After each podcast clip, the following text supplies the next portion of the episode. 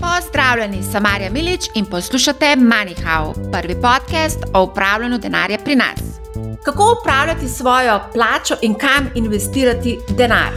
Sta dve vprašanji, ki sem jih v zadnjih 15 letih, odkar se ukvarjam z osebnimi financami, prejela največkrat. O tem sem potem seveda pisala članke, komentarje in pa seveda tudi predavala. Vedno znova pa sem presenečena nad odzivi nekaterih.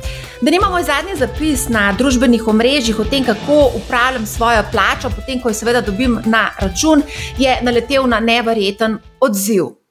Sama objava je imela preko 50 tisoč ogledov, na stotine ljudi se je objavo shranilo, jo delilo, eh, potem bilo je izredno veliko komentarjev in odzivov. Vsem iskrena hvala, tudi vsem hvala, ki ste v bistvu predstavili svoj način upravljanja s plačo in tudi predlagali nekatere druge rešitve, alternative mojim rešitvam. Ker je ta tema vedno aktualna, sem se odločila, da v tokratni epizodi predstavim malce bolj poglobljeno, kako upravljam svojo plačo. Rada bi vam pa tudi predstavila skico oziroma zemljevid toka denarja, ki vam lahko pomaga odgovoriti na obe omenjeni vprašanji. Najprej pa o izgovorih. Pogosto, ko govorimo o teh tematikah, dobim odziv, da je potrebno imeti veliko denarja, zato da ga upravljamo.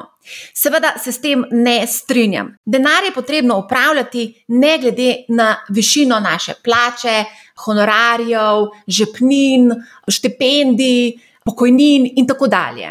To je pravzaprav nujno, ne glede na višino. Mnenje, da je potrebno imeti veliko denarja, zato da ga upravljamo, pa je pravzaprav kar precej zakorenjeno v naših glavah. Spomnim se pred leti, ko sem se pogovarjala z neko ravnateljico na neki osnovni šoli o tem, da bi kot izvenšolsko dejavnost ponudili finančno opismenjevanje oziroma krožek finančnega opismenjevanja, pa me je v bistvu ravnateljica zelo hladno zavrnila, čež da otroci na njeni šoli se o teh tematikah ne bodo učili, ker večina otrok prihaja iz socialno ogroženih družin. Potem pa mi je še zabrusila, da nimajo kaj za upravljati. Njen odziv me je v bistvu kar predstavljal precej presenetil, šokiral, ampak potem, če malce bolj poglobljeno razmišljamo, ugotovimo, da je pravzaprav pogost takšen odziv ljudi.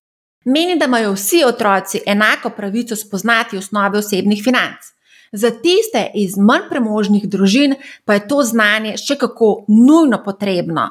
Pri nižjih dohodkih namreč šteje vsak cent. Hkrati pa to znanje lahko predstavlja potencijalen izhod iz slabih vzorcev ravnanja z denarjem in pa korak stran od predsotkov. Preveč smo obremenjeni s predsotki, nekako so zakorenjeni v naših glavah, v naših srcih in jih nikakor ne moremo opustiti. Najbolj škodljive so pa ravno predsotki, ki jih imamo vezano na denar, in te predsotke smo podedovali, smo jih dobili od naših staršev, starih staršev in tako dalje. Ti predsotki se prenašajo iz roda v rod, zato je treba v bistvu nekako preveriti, če je kaj resnice na teh predsotkih, in seveda jih opustiti, če ugotovimo, da ni. Žal, številni starši nimajo znanja osnovnih osebnih financ, učijo se nekako sproti, malce žonglirajo, testirajo, probavajo, naredijo ogromno veliko finančnih napak, ki jih seveda tudi stane izredno veliko denarja.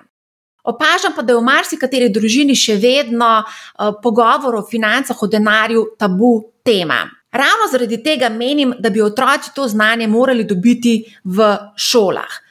Ja, neke vsebine v osnovah osebnih financ učijo, oziroma je zapisano v učbenikih gospodinstva in državljanske vzgoje. Tudi sama sem preverila to vsebino in lahko rečem, da je zelo neatraktivno eh, zapisana, in marsikateri najstnik ima probleme v bistvu z razumevanjem teh definicij, ki so tam notri navedene. Tudi učitelji včasih imajo kar težavo pojasniti, kaj je delnica, kaj je borza, kaj je vzajemni sklad na en tak zelo poenostavljen način, da bi seveda to otroci razumeli. Osredotočajo pa se predvsem nekako na gospodinske finance, torej analiza prihodkov in pa odhodkov. To pa seveda absolutno, če želimo doseči na dolgi rok neko finančno varnost, ni dovolj. V zadnjih letih se pojavlja cel kup nekih delavnic, seminarjev o osebnih financah. V bistvu imamo občutek, da vsak, ki ima pet minut časa, pripravi neko delavnico ali pa prebere morda kakšno knjigo, pa si reče, ok, bom pripravil delavnico na temo osebnih financ. Nekatere delavnice so brezplačne, spet drugi so kar precej zasoljene. Moram pa priznati, da je tukaj potrebno, seveda, biti zelo pozoren na kakovost vsebine in pa konec koncev tudi na motive organizatorja. Previdno, komu zaupate svoj denar. V tem uvodnem delu želim povedati oziroma izpostaviti glavno sporočilo, da je potrebno upravljati z denarjem. Pa če tudi imate 10 evrov, 100 evrov, 1000 evrov, 10 tisoč, 100 tisoč evrov, pomembno je, da veste, kje je vaš denar in kaj ta denar počne. Nadaljujmo z izgovori. Jaz mislim, da je prvi korak, ki je nujno potreben pri učinkovitem in uspešnem upravljanju denarja, ta, da nekako opustimo miselnost, ne da se in jo spremenimo v da se. Ne samo, kar se tiče upravljanja denarja, ampak tudi na splošno določenih življenjskih oziroma vseh življenjskih odločitev. Druga stvar, ki se mi zdi izredno pomembna, ko govorimo o upravljanju denarja, je avtomatizacija oziroma digitalizacija.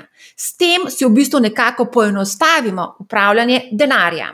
Pogosto pa namreč slišim tudi izgovor, zakaj se ne ukvarjate s svojim denarjem, in sicer je to, da nimate časa. Moram priznati, da jaz tega izgovora ne razumem najbolje, ker ne razumem, kako to, da nimate časa ukvarjati se s svojim denarjem, za katerega v bistvu zelo trdo delate. Če pravite, da nimate časa za vaše finance, pomeni, da v bistvu ste slab menedžer časa. To je lahko en eh, način razumevanja tega, drugi način je pa pač to, da vam to ni prioriteta, da vas ta stvar ne zanima in da v bistvu pač se vam ne zdi pomembno, kako upravljati s svojim denarjem in zakaj sploh upravljati s svojim denarjem. Skratka, pod črto, če želiš doseči neko finančno varnost, je potrebno investirati čas tudi v to, da spoznavamo to vsebino te tematike.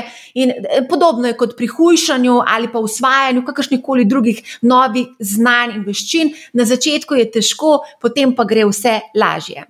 Tretji pogosto slišen izgovor, zakaj se ne ukvarjamo s svojim denarjem, je ta, da imate majhne otroke. Otrok ne more biti izgovor, zakaj nekaj mi ne naredimo. To je v bistvu zelo slab izgovor. In če smo iskreni, bi ravno zaradi otrok morali skrbeti za v bistvu finančno varnost. Sicer boste na stara leta finančno breme prenesli na svoje otroke. Pokojnine so nizke, življenje pa vse dražje. Četrti izgovor, ki me kar malce pogreje, ko ga slišim, moram priznati, in sicer to je ta, da nimam pojma o financah, s tem se ukvarja moj partner oziroma mož. Ne razumem tega, zakaj je treba pomembne finančne odločitve prepuščati svojemu partnerju. Seveda lahko skupaj uh, sodelujete in skupaj upravljate s premoženjem, oziroma ste vsaj bolj aktivni pri tem, da vsaj veste, um, kaj se dogaja z vašimi financami. Res je, da svojemu partnerju zaupate, ga imate radi, vse je super in lepo in prav, to da življenje je nepredvidljivo, čeprav gremo v zvezo ali zakon v veri, da bo ta večen. Pa moram priznati, da statistike kažejo malce drugačno sliko. Eh, skoraj 50 odstotkov ljudi nekako konča z razvezo oziroma z ločitvijo. Najpogostejši razlog za ločitve so pa ravno finančne težave. Moram priznati pa, da me vsakeč znova tudi kar malce uh, razžalosti. Uh, izjava, ko slišim, da v bistvu nisi srečen v zakonu ali v zvezi, ampak da si ne moreš privoščiti ločitve. Ja, živimo samo eno življenje in bi ga bilo škoda živeti v okolju, kjer nismo ljubljeni ali srečni. Vendar pod črto, nihče ne bo poskrbel za vaše finance, za vaše finančno zdravje, če tega ne boste storili sami. Še enkrat povzetek, z avtomatizacijo in digitalizacijo nekako poenostavimo vse skupaj, pospešimo, dosežemo neke časovne prihranke, hkrati tudi stroškovne in s tem tudi že odpade del izgovorov. Na voljo je veliko mobilnih aplikacij, ki nam vse skupaj olajšajo, ponujajo jih tudi naše banke in cel kup drugih podjetij, tehnoloških podjetij, tudi slovenskih startupov. O tem pa malce več kasneje. Pojdimo sedaj na skico oziroma zemljevid toka denarja. Tako kot rečeno že v uvodu, preden odgovorimo na vprašanje, kako pametno upravljati z denarjem, je dobro, da nekako narišemo skico oziroma zemljevid toka denarja. Ključno je, da se vprašamo, kaj imamo in kako to distribuiramo. Torej, kam gre denar, ko ga dobim, koliko ter v kakšnem zaporedju. Sliko mojega denarnega toka bom objavila na YouTubu in pa tudi na družbenih omrežjih in pa tudi na blogu businessspace.com. Morda je en tak praktičen namik.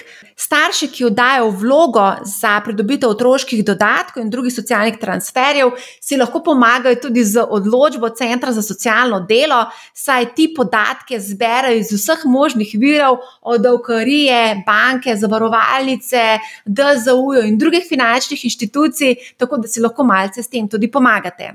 Da nima pred leti mi je kolegica povedala, da je ravno s pomočjo te odločbe ugotovila, da ima odprt bančni račun še iz študentskih časov in da ga že desetletja v bistvu res ni uporabljala. Ko naredite pregled vseh teh računov, ki imate odprte, predlagam, da tudi pogledate, če so obešeni oziroma če se obračunavajo kakšni stroški na teh uh, računih in seveda, če se obračunavajo in če računa ne uporabljate, ga ne mudoma zaprite. Tudi obstoječi računi, ki jih uporabljate, so lahko izjemno dragi, zato nujno preverite, ali je smiselna menjava banke. Primerjavo stroškov bank najdemo na spletni strani Zveze potrošnikov. Mimo grede, zdaj, ko omenjam socialne transferje, bi mogoče v tem kontekstu omenila tudi pobudo za spremembe socialne zakonodaje, ki jo je dal ministr za delo, družino in socialne zadeve, mislim, da junija letos, in del teh sprememb naj bi bil tudi izuzem premoženja iz ugotavljanja pravic do otroškega dodatka.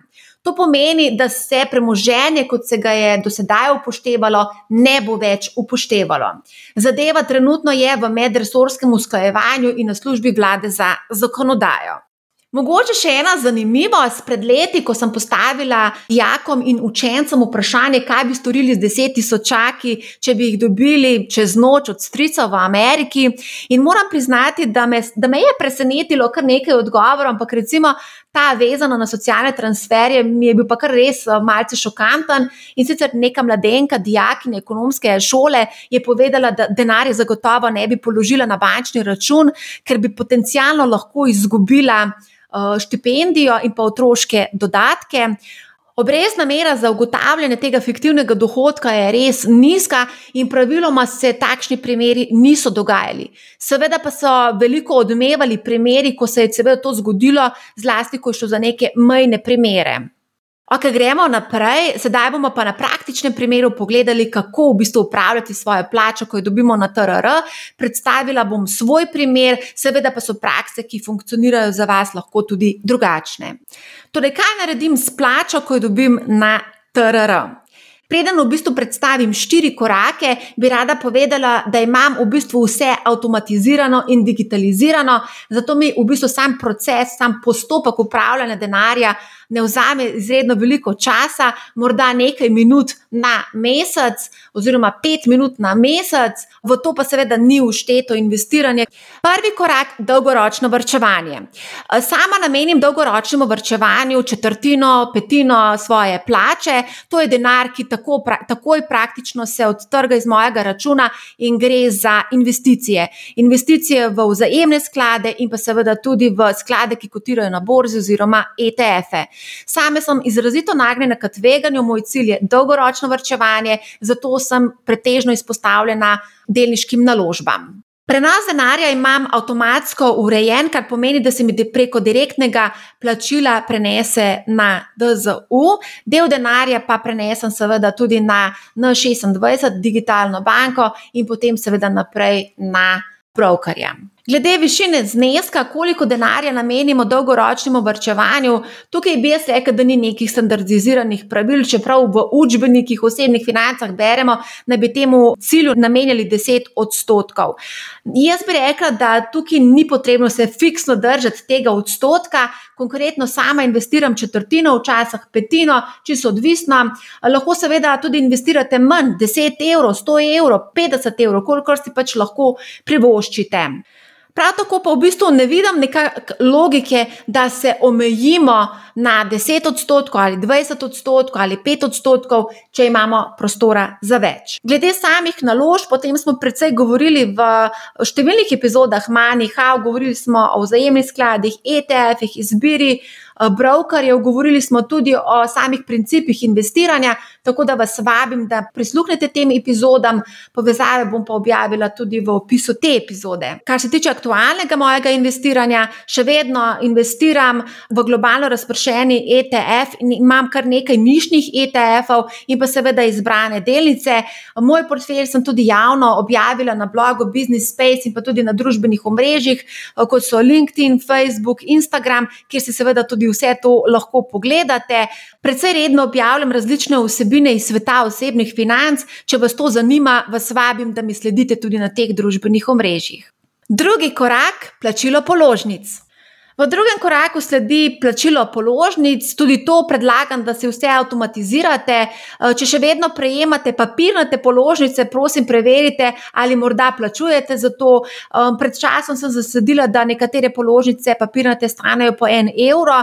Predlagam, da ne mudoma prekinete eh, takšen način dostave položnice in se preusmerite na e-položnice položnice, kaj spada pod to, se pravi, govorimo tukaj o plačilu uh, stanovanjskih stroškov, govorimo o plačilu raznih kreditov, limitov, stroškov zavarovanja, položnice za šolo in vse drugo. Svetujem, da tudi naredite pregled vseh naročnin, ki jih plačujete, bodi si je to Netflix, HBO, Apple Music, Spotify eh, in seveda naročnine na časopise, revije in na druge aplikacije. Naredite pregled tega, izračunajte, kakšni so stroški, predvsem pa vse tiste stvari, ki jih ne uporabljate ali niste uporabljali v zadnjih mesecih, ne mudoma prekinite. Še en mek, ugotovila sem, da marsikateri ponudnik uh, ponuja novim strankam do 50-odstotni popust, uh, mogoče vam bodo ob postopku prekinitve ponudili ravno takšno ponudbo. Tako da preverite. Seveda, med te tekoče stroške uvrščamo tudi stroške nakupa hrane, pijače, oblačil in drugih zadev, ravno ti predstavljajo največji del družinskega budžeta. Sama zasledujem minimalizem, nekateri bi rekli, da je to škrtost, gorenci pravijo temu voharnost, jaz pa, če ne potrebujem, ne kupim, če že imam, porabim. Poskušajte se izogniti kopičenju raznih zadev, predvsem pa pametno kupujte hrano. Statistike kažejo, da izredno veliko hrane zmečemo dobesedno v koš in res je škoda, da mečemo denar v koš za smeti. Moj napotek je: nakupujte z listkom. Ravno v tem delu tekočih stroškov je tudi največ prostora za nekako optimizacijo stroškov in pa ustvarjanje, seveda, prihrankov. Spremljate svoje nakupe in ugotovili boste, kako trošite, kje trošite, spoznali boste svoje nakupne navade in seveda tudi ugotovili, kje so tisti sprožilci, zaradi katerih v bistvu potrošite mogoče več, kot bi sicer. Kar se tiče spremljanja stroškov, je res veliko aplikacij na voljo. Sama uporabljam dve aplikacije. Prva aplikacija je NoPrints, v bistvu ne toliko za spremljanje stroškov oziroma analize hrane, bolj za shranjevanje digitalnih računov in pa garancij. Hkrati se mi pa zdi dosta uporabna funkcija opozorilo pred iztekom garancije. Druga aplikacija, ki jo uporabljam, prav tako slovenskega startupa, to je Tošal, ker lahko v bistvu povežemo vse bančne račune od vseh slovenskih bank in pa tudi nekaterih tujih, kot so N26, Revolut, tudi PayPal, pa tudi nekatere kriptoračune in nekako nam v bistvu uh, sama aplikacija posodablja sproti uh, in dela analizo stroškov in seveda nas tudi opozarja, kdaj smo presegli budžet in kdaj moramo biti seveda pozorni na stroške. Ta storitev ni brezplačna, mislim, da stane okrog 3 evre na mesec, eh, je pa tudi neko testno obdobje, tako da lahko poskusite. In če vam aplikacija ne ustreza, je na voljo malo morje drugih. Pojdite v mobilno trgovino in utipkajte budžet.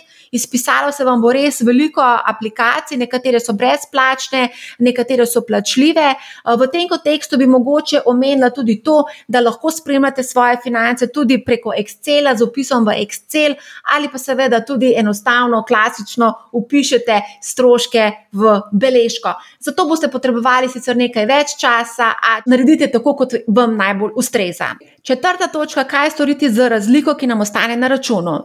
Um, jaz večinoma to razliko nekako prenakažem na nemško digitalno banko N26. Tam v bistvu imaš možnost prerasporajanja v različne spaces oziroma predalčke. In sama imam dva predalčka. Prvi predalček je denarna rezerva, in drugi predalček je predalček za počitnice. Denar lahko v bistvu prenašaš iz enega predalčka v drug predalček, lahko določiš tudi želeno višino prihrankov, in seveda ta aplikacija tudi opozarja, koliko si oddaljen od tega cilja. Mogoče tukaj, kar se tiče same denarne rezerve, eh, bi svetovala, da seveda je fajn, da imate denarno rezervo za nepričakovane izdatke. Zdaj, višina, nekateri priporočajo šest mesečnih stroškov, drugi priporočajo šest mesečnih plač. Jaz priporočam, da um, nekaj tisočakov vseeno imate te denarne rezerve, nikoli ne veš, kaj se zgodi, lahko vam v bistvu crkne pralen stroj, sušilen stroj, hladilnik, lahko se vam pokvari avto ali zgodi kakšna druga zadeva, in seveda bolje, da imamo denar na uh, zalogi, kot pa da hitimo na banko po izredno drago potrošniško posojilo. Kot omenjeno na začetku, dobila sem izredno veliko odzivov od sledilcev na LinkedIn, vsem še enkrat hvala. In tudi sami so mi sporočili, kako vrčujejo, oziroma na kakšen način sami razporejajo svojo plačo. Omenili so, da tudi sami vrčujejo v teh predalčkih oziroma šparovcih eh, in sicer za različne cilje, recimo vrčujejo za registracijo za avtomobil, za zavarovanje avtomobila, tudi servis avtomobila in seveda druge izdatke. Eh, nekateri pri tem uporabljajo različne aplikacije, omenjajo denimo aplikacijo unidabudget.com, pa britansko digitalno banko Revolut, pa nizozemski Bunk, omenja se tudi Vivid Money, ki med drugim omogoča tudi do 15 brezplačnih predalčkov. Na moj zapis so se odzvale tudi, seveda, banke, eh, kjer so, pač, kjer so mi povedali, da tudi sami ponujajo neke predalčke oziroma namenska vrčevanja. Recimo eh, v Novi KBN so mi povedali, da se pri njih ti predalčki imenujejo vrčevalniki oziroma za to vrčevanje, s tem je omogočeno v bistvu shranjevanje viškov. Potem pa sem seveda poizvedela tudi pri drugih bankah in sicer v Intesi San Paulo so mi povedali, da prav tako ponujajo virtualne hranilnike, hashtag with save. Ta omogoča vrčevanje v plačevanju s kartico, ker zneske nakupa zaokrožuje na vzgor, razlika pa se potem prenese na ta račun. Podobno storitev ponujajo tudi na Unikreditu in nekaterih drugih bankah. Odzval se je tudi predsednik uprave NLB, Blaž Brodnjak, ki nam je sporočil, da teh predalčkov NLB še ne omogoča, bo pa kmalo na voljo analitika osebnih financ oziroma PFM funkcionalnost uvedena z novo mobilno in spletno banko v letu 2022. Sledilci so mi tudi sporočili, da tudi mobilna denarnica M-Bills omogoča odpiranje šparovcev in ponuja tudi možnost avtomatskega vrčevanja ob vsaki transakciji. Ko govorimo o teh praktičnih mobilnih rešitvah, bi rada izpostavila še eno aplikacijo, ki si jo ne mudoma naložite na svoj telefon oziroma odprite oziroma aktivirate znotraj vaše banke. To je aplikacija Flick. O tem sem posnela posebno epizodo in sicer najdete jo pod naslovom Takojšna plačila, ko denar nikoli ne spi. Gre za instantna plačila med slovenskimi državljani, denar lahko seveda nakazujete 24 ur na dan, 7 dni v tednu. V tej schemi instantnih plačil so vključene praktično vse slovenske banke oziroma vse banke, ki delujejo pri nas. Stroški nakazila za recimo 5 evrov ali pa 5000 evrov so pa nič, torej storitev je popolnoma brezplačna, lahko nakažete sredi noči ali sredi vikenda in oseba bo v par sekundah dobila tudi denar. Preden zaključimo, se dotaknimo še dohodkov. Večina prejema plačo, nekateri dobivajo še razne druge dodatke, dividende, najemnine in podobno. Marsikdo morda ni zadovoljen s tem, kar dobi vsak mesec, kaj lahko storimo. Ja, nič. Najbolje je, da gremo do šefa in se poskušamo pogajati za povišico. Seveda je treba imeti pripravljene argumente, eh, zakaj eh, si zaslužite višjo plačo. Če menite, da se vam dogaja krivica, imate vedno možnost tudi zamenjati uh, službo. Tako da o trgu dela in pa o plačah smo govorili v posebni epizodi in vas vabim, da prisluhnete, morda boste izvedeli kakšen koristen napotek. Za konec bi morda omenila še to, eh, sicer ne vem, če sodi ravno v ta del plač oziroma dohodkov, vsekakor je pa lahko zelo koristen napotek, zdaj, ko smo sredi poletja. In sicer jaz sama pač vsako poletje lotim čiščenja krame, tekom leta se kar precej nabere na podstrešjih in v kleteh. Tako da priporočam, da greste čez, kaj potrebujete, kaj ne potrebujete, in seveda zadeve prodate ali pa podarite. V zadnjih nekaj letih sem prodala za približno 7000 evrov eh, rabljene robe, eh, veliko sem prodala, zlasti ko smo renovirali stanovanje. Takrat v bistvu sem praktično celo stanovanje prodala, vse od kavča, mize, eh, spalnice, jogijev, posode, eh, stranišča, radiatorjev. V glavnem vse sem prodala, kar se je prodati dalo, tudi kozarce sem prodala. Veliko stvari sem tudi podarila, zlasti veliko oblek, pa potem seveda tudi veliko igrač. Recimo, nedavno sem podarila tudi vikend kuhinjo, ki je bila izredno dobro ohranjena, sicer starejšega datuma. Stvari naj krožijo, da ob tem tudi pozorilo, bodite pozorni na goljufe, na vsakem vogalu so, uh, sploh če boste prodajali preko bohe, uh, bodite pozorni, ko vas kontaktirajo potencijalni kvazi kupci, ki od vas zahtevajo številko kreditne kartice. Veliko ljudi je tukaj že nasedlo in izgubilo kar precej denarja, tako da bodite previdni. Lahko seveda oglašujete svojo staro robo eh, na Bohi, lahko seveda tudi na Facebook Marketplace in pa seveda tudi na drugih kanalih. Za konec, um, marsikdo je presenečen, uh, kako v bistvu smo nekako obrnili to logiko upravljanja denarja. Naši stari starši in starši so nas učili, da je potrebno najprej plačati položnice in potem vse ostalo. Najbolj pomembna položnica, ki jo boste plačali, je položnica za vaše dolgoročno vrčevanje. Zavedati se je treba, da pokojnine bodo mizerne in na stara leta je pa vsem potrebno poskrbeti za neko finančno varnost, sicer bomo breme otrokom in seveda tega ne želimo. Rada bi povdarila to, da bo naša pokojnina predvsem odvisna od naših prihrankov, ki jih bomo ustvarili v delovno aktivnem obdobju. Pri upravljanju denarja je potrebna torej disciplina, doslednost in pa sistematičnost. Veliko si lahko pomagamo, seveda, z raznimi pripomočki, digitalnimi in seveda z avtomatizacijo. Seveda pa tudi ne pozabite spremljati svoje finance, svoj denar in uh, ustrezno ukrepati, ko ugotovite, da stvari ne gredo v pravo smer. Naj skrb za denar postane nekaj takšnega, kot je pitje jutranje kave, čaja ali smudija, torej rutina. Torej, ne čakajte na jutri, začnite že danes. Toliko z moje strani, upam, da vam te napotki pridajo prav, upam tudi, da pripravite svojo skico oziroma zemljevid toka denarja. Če želite, ga seveda lahko tudi delite z menoj, bom zelo vesela. Veselim pa se tudi vaših odzivov. Tako, prišli smo do konca. Upam, da vam je bil podcast všeč. Naročite se na Manihau, spremljajte nas na vseh možnih kanalih, tudi na YouTubu. Kmalo pripravljamo Crypto-Only Session, predvajali ga bomo tudi preko YouTuba Live, tako da naročite se in spremljajte nas. Skratka, posredujte informacijo o podkastu prijateljem, znancem, sorodnikom, če menite, da jim bo vsebina koristila pri upravljanju njihovega denarja. Poslušajte Manihau, ne bo vam žal in lep pozdrav!